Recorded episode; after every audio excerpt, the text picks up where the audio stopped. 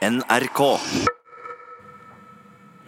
Fedrelandsvennen skriver på lederplass eh, i dag at de mener prinsesse Martha Louise bør slutte å kalle seg prinsesse i kommersiell sammenheng.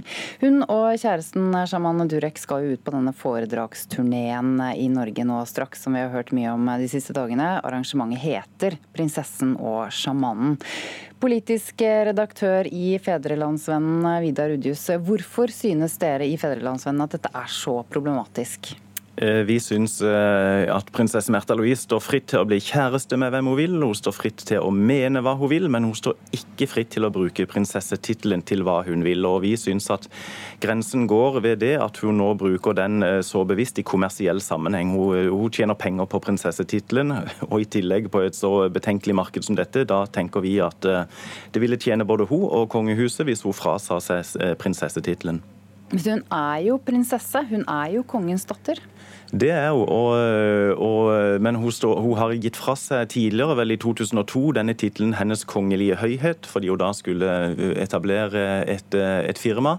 Eh, men eh, hun står også da fritt til i samarbeid med kongen å, å si fra seg prinsessetittelen. Det vil, det vil gjøre at hun kan drive med hva hun vil innenfor lovens grenser, og det vil også frigjøre kongehuset fra hennes kommersielle aktiviteter. Hvor mye har prinsessetittelen å si for markedsføringen av dette arrangementet, tror du? Jeg vil tro at det har en god del å si. Det brukes i alle fall veldig bevisst. Eh, turneen heter, som du nevnte innledningsvis, 'The Princess and the Shaman'. Og i arrangementsbeskrivelsen så heter det i første setning at prinsesse Märtha Louise og sjaman Durek inviterer til en reise i livets mysterier osv. Så, videre. så det, dette spilles det helt bevisst på. Jeg mener du at det er mer problematisk å bruke prinsessetittelen til å selge billetter til denne typen foredrag enn andre foredrag? Jeg mener i utgangspunktet at man ikke skal bruke prinsessetittelen til, til, å øh, tjene penger. Hensikten med en prinsessetittel det er å representere folket. Den bør ikke brukes til å selge noe til folket. Men det er klart når det i tillegg kommer noe så suspekt som dette her, så blir det ekstra problematisk. Vidar Udjus, du, du, skriver altså, eller Avisen skriver 'Si fra deg tittelen', Märtha, og du nevner kommersielle sammenhengen. Men det er jo sånn at det er jo ingen offisiell tittel. Det er et faktum. Tittelen 'Hennes kongelige høyhet' er den eneste offisielle. Eh, hun betaler skatt og moms eh, som alle oss andre, og hva lenger kan hun gjøre hvor mye lenger kan hun gå offisielt, mener du? Ja, Hun kan i samarbeid med kongen eh, frasi seg tittelen uh, prinsesse. Det er ingen tittel, Vidar Rudius. Det er Hennes kongelige høyhet som har tittelen. Ja, men på eh, Slottets hjemmesider så står det prinsesse Märtha Louise. Hun kan slutte å kalle seg prinsesse, og så kan hun drive næringsvirksomhet på lik linje med alle andre, tenker vi. Og vi, jeg syns også det er da rart, at, for dette her er jo en gjenganger. Hun, hun har blitt bedt om dette også tidligere, f.eks. For, for rundt ti år siden, da det var snakk om denne engleskolen. Og jeg ville trodd kanskje at kongefamilien og monarkiets forsvarere var de som var aller mest opptatt av dette her, her å bevare eh, kongehusets eh, integritet, og, og ved, ved, å frigjøre henne fra sånne eh, problematiske eh, saker stadig vekk. Takk for at du var med, politisk redaktør i Fedrelandsvennen, Vidar Udjus. Vi må nemlig videre til Tel Aviv, for i kveld går Keiino på scenen for å kjempe om en finaleplass i Eurovision Song Contest. Og de har selvfølgelig et håp om at det skal gå bra. Veldig bra. Det er et utrolig mange eh, bra land. Det er noe plass til det, alle de vi syns er gode, og oss. Hva er grupperitualet før dere går på scenen? Da gjør vi sånn, og så sier vi Giant and Joker.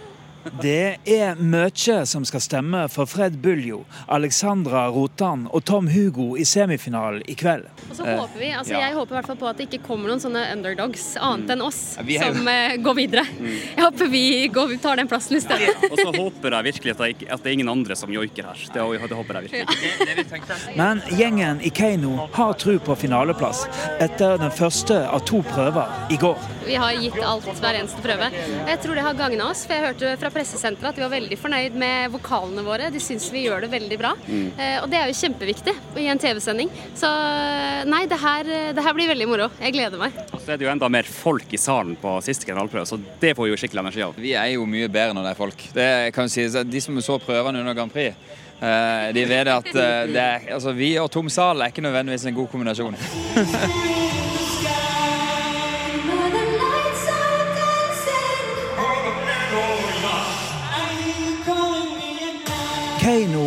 låta 'Spirit in the Sky' ligger litt nede på spelselskapene sine lister over hvem de tror går helt til topps på lørdag. Likevel er det forventa at det norske bidraget går videre i kveld. Det vi, til, det vi, frykter, og det som jeg tror jeg kommer til å skje, er at de kommer til å vente helt til slutt med å lese opp vårt navn. Fordi at det betyr så mye for skandinaviske land å være med i denne finalen. Så det er så typisk at det kommer til å være ett land igjen, og så sitter vi der og venter. Det kommer til å Da trenger vi å holde hverandre i hendene ja. og gi hverandre kjærlighet. Det er det vi trenger da. ja, men bare finne den indre roen. Ja. Det viktigste er at vi føler at vi er en enhet, at vi er trygge på hverandre og at vi, at vi gleder oss sammen. Det er det viktigste. Så litt same, litt kjærlighet og litt gin tonic. Da ja, har vi det. det er veldig bra. Ja, reporter i Tel Aviv er Arne Sørenes. Reporter Knut Øyvind Hagen, du er med oss fra Tel Aviv i Israel. Hvordan gikk det mm, med Kaino da på generalprøven i går? Juryprøven var full av kraft og krutt, for å ta inn Sami Ednan. Og både musikalsk og koreografisk så er det nok den beste opptredenen de har gjort. Og det blir stor ståhei og oppstandelse da dette joikepartiet kommer. Det fenger virkelig hele kontinentet, iallfall ut fra hva man kan bedømme på presserommet. Og de framstår mye mer som en troverdig trio.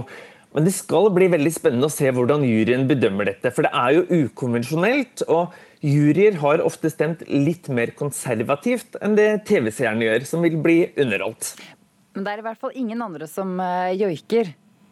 Det er det definitivt uh, ikke. Uh, hvilke land er de største konkurrentene da i kveld?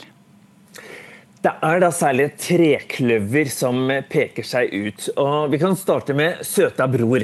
For Sverige de knekker Eurovision-koden hvert år.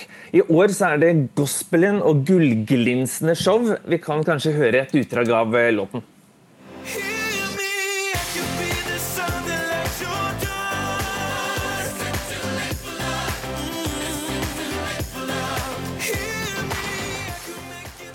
For eh, Jon Lundvik kan ha virkelig kraft i stemmebåndene. Og halvveis så får han besøk på scenen av en bukett ferme, frodige og fantastiske korister. Det er vokaltrøkk vokaltrykk i verdensklasse, og jubelen etter opptredenen i går ja, den var som et løvebrøl. Og så har du Nederland. Veldig kontrasterende. En mann ved et piano. En enslig lampe som lysetter det. Det er dunkelt, melankolsk og nakent. Vi kan kanskje høre et lite utdrag fra den også.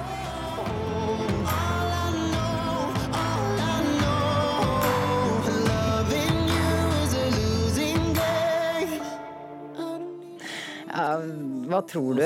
Hva er sjansene for at de går videre? Eh, vi har 70% sjanse, ifølge bookmakerne. Vi er rangert som nummer syv eller åtte. Flertallet av journalister og synsere mener vi går til finalen, men litt norsk neglebiting vil det bli. Hvis land etter land leses opp uten at det er oss. Men låten og nummeret vil jo krydre finalen, så vi får ha litt positiv patriotisme og tro på joiker. Så har det vært mye snakk om eh, sikkerheten rundt arrangementet i år. Eh, hvordan er situasjonen nå? Hittil så er ikke sikkerhetstiltakene vesentlig annerledes hvis jeg sammenligner med andre Eurovisions jeg har eh, vært på. Det er jo et av verdens største arrangementer, men rutinene er eh, forholdsvis strenge og iblant langtekkelige. Noen norske journalister fikk eh, flere timer langt venteopphold ved passkontrollen. Noen hadde vært i Libanon tidligere og fikk tilløp til avhør og ble klarert først etter flere timer. Så noen eksempler fins. Og så må man huske på at det er jo den store finalen på lørdag som er den riktige verdensbegivenheten. Det er snakk om Madonna som pauseinnslag, og jeg er ganske sikker på at tiltakene vil trappes opp flere hakk til da. Disse semifinalene er jo på sett og vis en oppvarming. Ja, oppvarming, ja. Eh, hvilke forberedelser eh, gjøres nå? Nei, nå lades det jo opp eh, først til semifinale i kveld.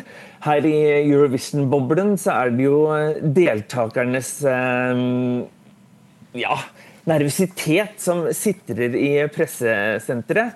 Men eh, det er veldig festlig med den kontrasten, for Keiino de tar Tel Aviv med storm. Og det er både i taxier og heiser og nattklubber joik som runger. Takk, eh, reporter Knut Øyvind Hagen. Og vi kan ta med at Israelske myndigheter har gitt over 2000 tillatelser til å jobbe på sabbaten i forbindelse med Eurovisjon-finalen på lørdag. Den begynner jo først etter at sabbaten er over, men det skal jo forberedes. Og dette har fått flere ortodokse rabbinere til å reagere i Israel. De mener det er å krenke helligdagen, sabbaten, som skal brukes på bønn og hvile, og i hvert fall ikke Melodi Grand Prix. En eneste film har premiere på kino denne uken. Ja, det skjer i morgen, og det er lov å gå på kino på 17. mai. Ansiktet handler om en ung mann på landsbygda i Polen som får eh, livet forandret etter en spesiell hendelse. Det fikk eh, juryprisen under filmfestivalen i Berlin, og vår filmkritiker Birger Vestmo har sett den. A dokąd chcesz wyjechać? Do Londra. Srądka, do Londynu, nie? Do Anglii. Jesteś Polak? Czy to wbij do głowy? Miejsce Polaka jest w Polsce. Ansiktet vant juryprisen under filmfestivalen i Berlin, og det er lett å se hvorfor juryen falt for den. Malgorzata Sjumovska har nemlig skrevet og regissert en liten, men fascinerende historie som kaster et skråblikk på kultur, kjærlighet og fremtidsutsikter på den polske landsbygda. Med både humor og sårhet forteller hun om et konservativt samfunn i skjæringspunktet mellom årelange tradisjoner og den nye tids økonomiske utfordringer. Vi ser hvordan bakstreverske innbyggere farges av religion og tradisjoner på den ene sida, og moderne mediedekning og reality-TV på den andre. Deler av historien sklir over i lett absurde øyeblikk som kanskje ikke tilfører den sentrale tematikken noe spesielt av verdi, men krydrer fortellerstilen på en måte som gjør den visuelt interessant. Ansiktet er en fin film med solid skuespill og godt gjennomført miljøskildring. Leci z Żyd, muzułmanin i czarny. Kto wygra, kurwa? No. Społeczeństwo. Filmen gir en sjarmerende introduksjon av den langhåra rockeren Jasek, som ser ut til å leve et enkelt ungdomsliv uten større bekymringer. Han jobber på konstruksjonen av en diger Jesus-statue i bygda, en utrolig historie i seg sjøl, men ellers har han ingen spesielle ambisjoner til familiens fortvilelse. Han forlover seg med kjæresten Dagmara, men like etter skjer det noe som forandrer alt. Jasek kastes ut i en limbotilværelse, og filmen skildrer effektivt hvordan annerledeshet fører til mistenksomhet og utenforskap. Życzę nam wszystkim, żeby udało nam się bezpiecznie ukończyć pracę. Nasz Chrystus będzie jeszcze większy niż ten w Rio de Janeiro. Ansiktet er filma av Michael Englert på en ganske spesiell måte. Det er nemlig tatt i bruk et uvanlig snevert dybdefokus, slik at kun en forholdsvis smal vertikal stripe til enhver tid er skarp, mens alt rundt er uskarpt. Det gir en veldig stilig effekt, som av og til kanskje kan virke litt overdrevent kraftig. Samtidig symboliserer bildene det her bygdesamfunnets trangsynthet og de små mulighetene som ligger for en ung mann som Jasek i bygda. Det visuelle filmspråket er åpenbart godt gjennomtenkt, og skaper merkbare kontraster mellom de billedskjønne omgivelsene og de ikke fullt så vakre personkarakteristikkene man finner der. Filmen gjør det klinkende klart at de fremdeles baserer sitt samfunn på gamle verdier, der religion står sterkt, samtidig som rasisme og fremmedfrykt florerer. Denne frykten får òg Jasek stifte et nært bekjentskap med, for ansiktet viser godt hvordan han blir en fremmed blant sine egne. Jacek jest zaręczony z pani córką. A co by było, jakby się dzieci takie urodziły? Z taką twarzą. Terningkast fire.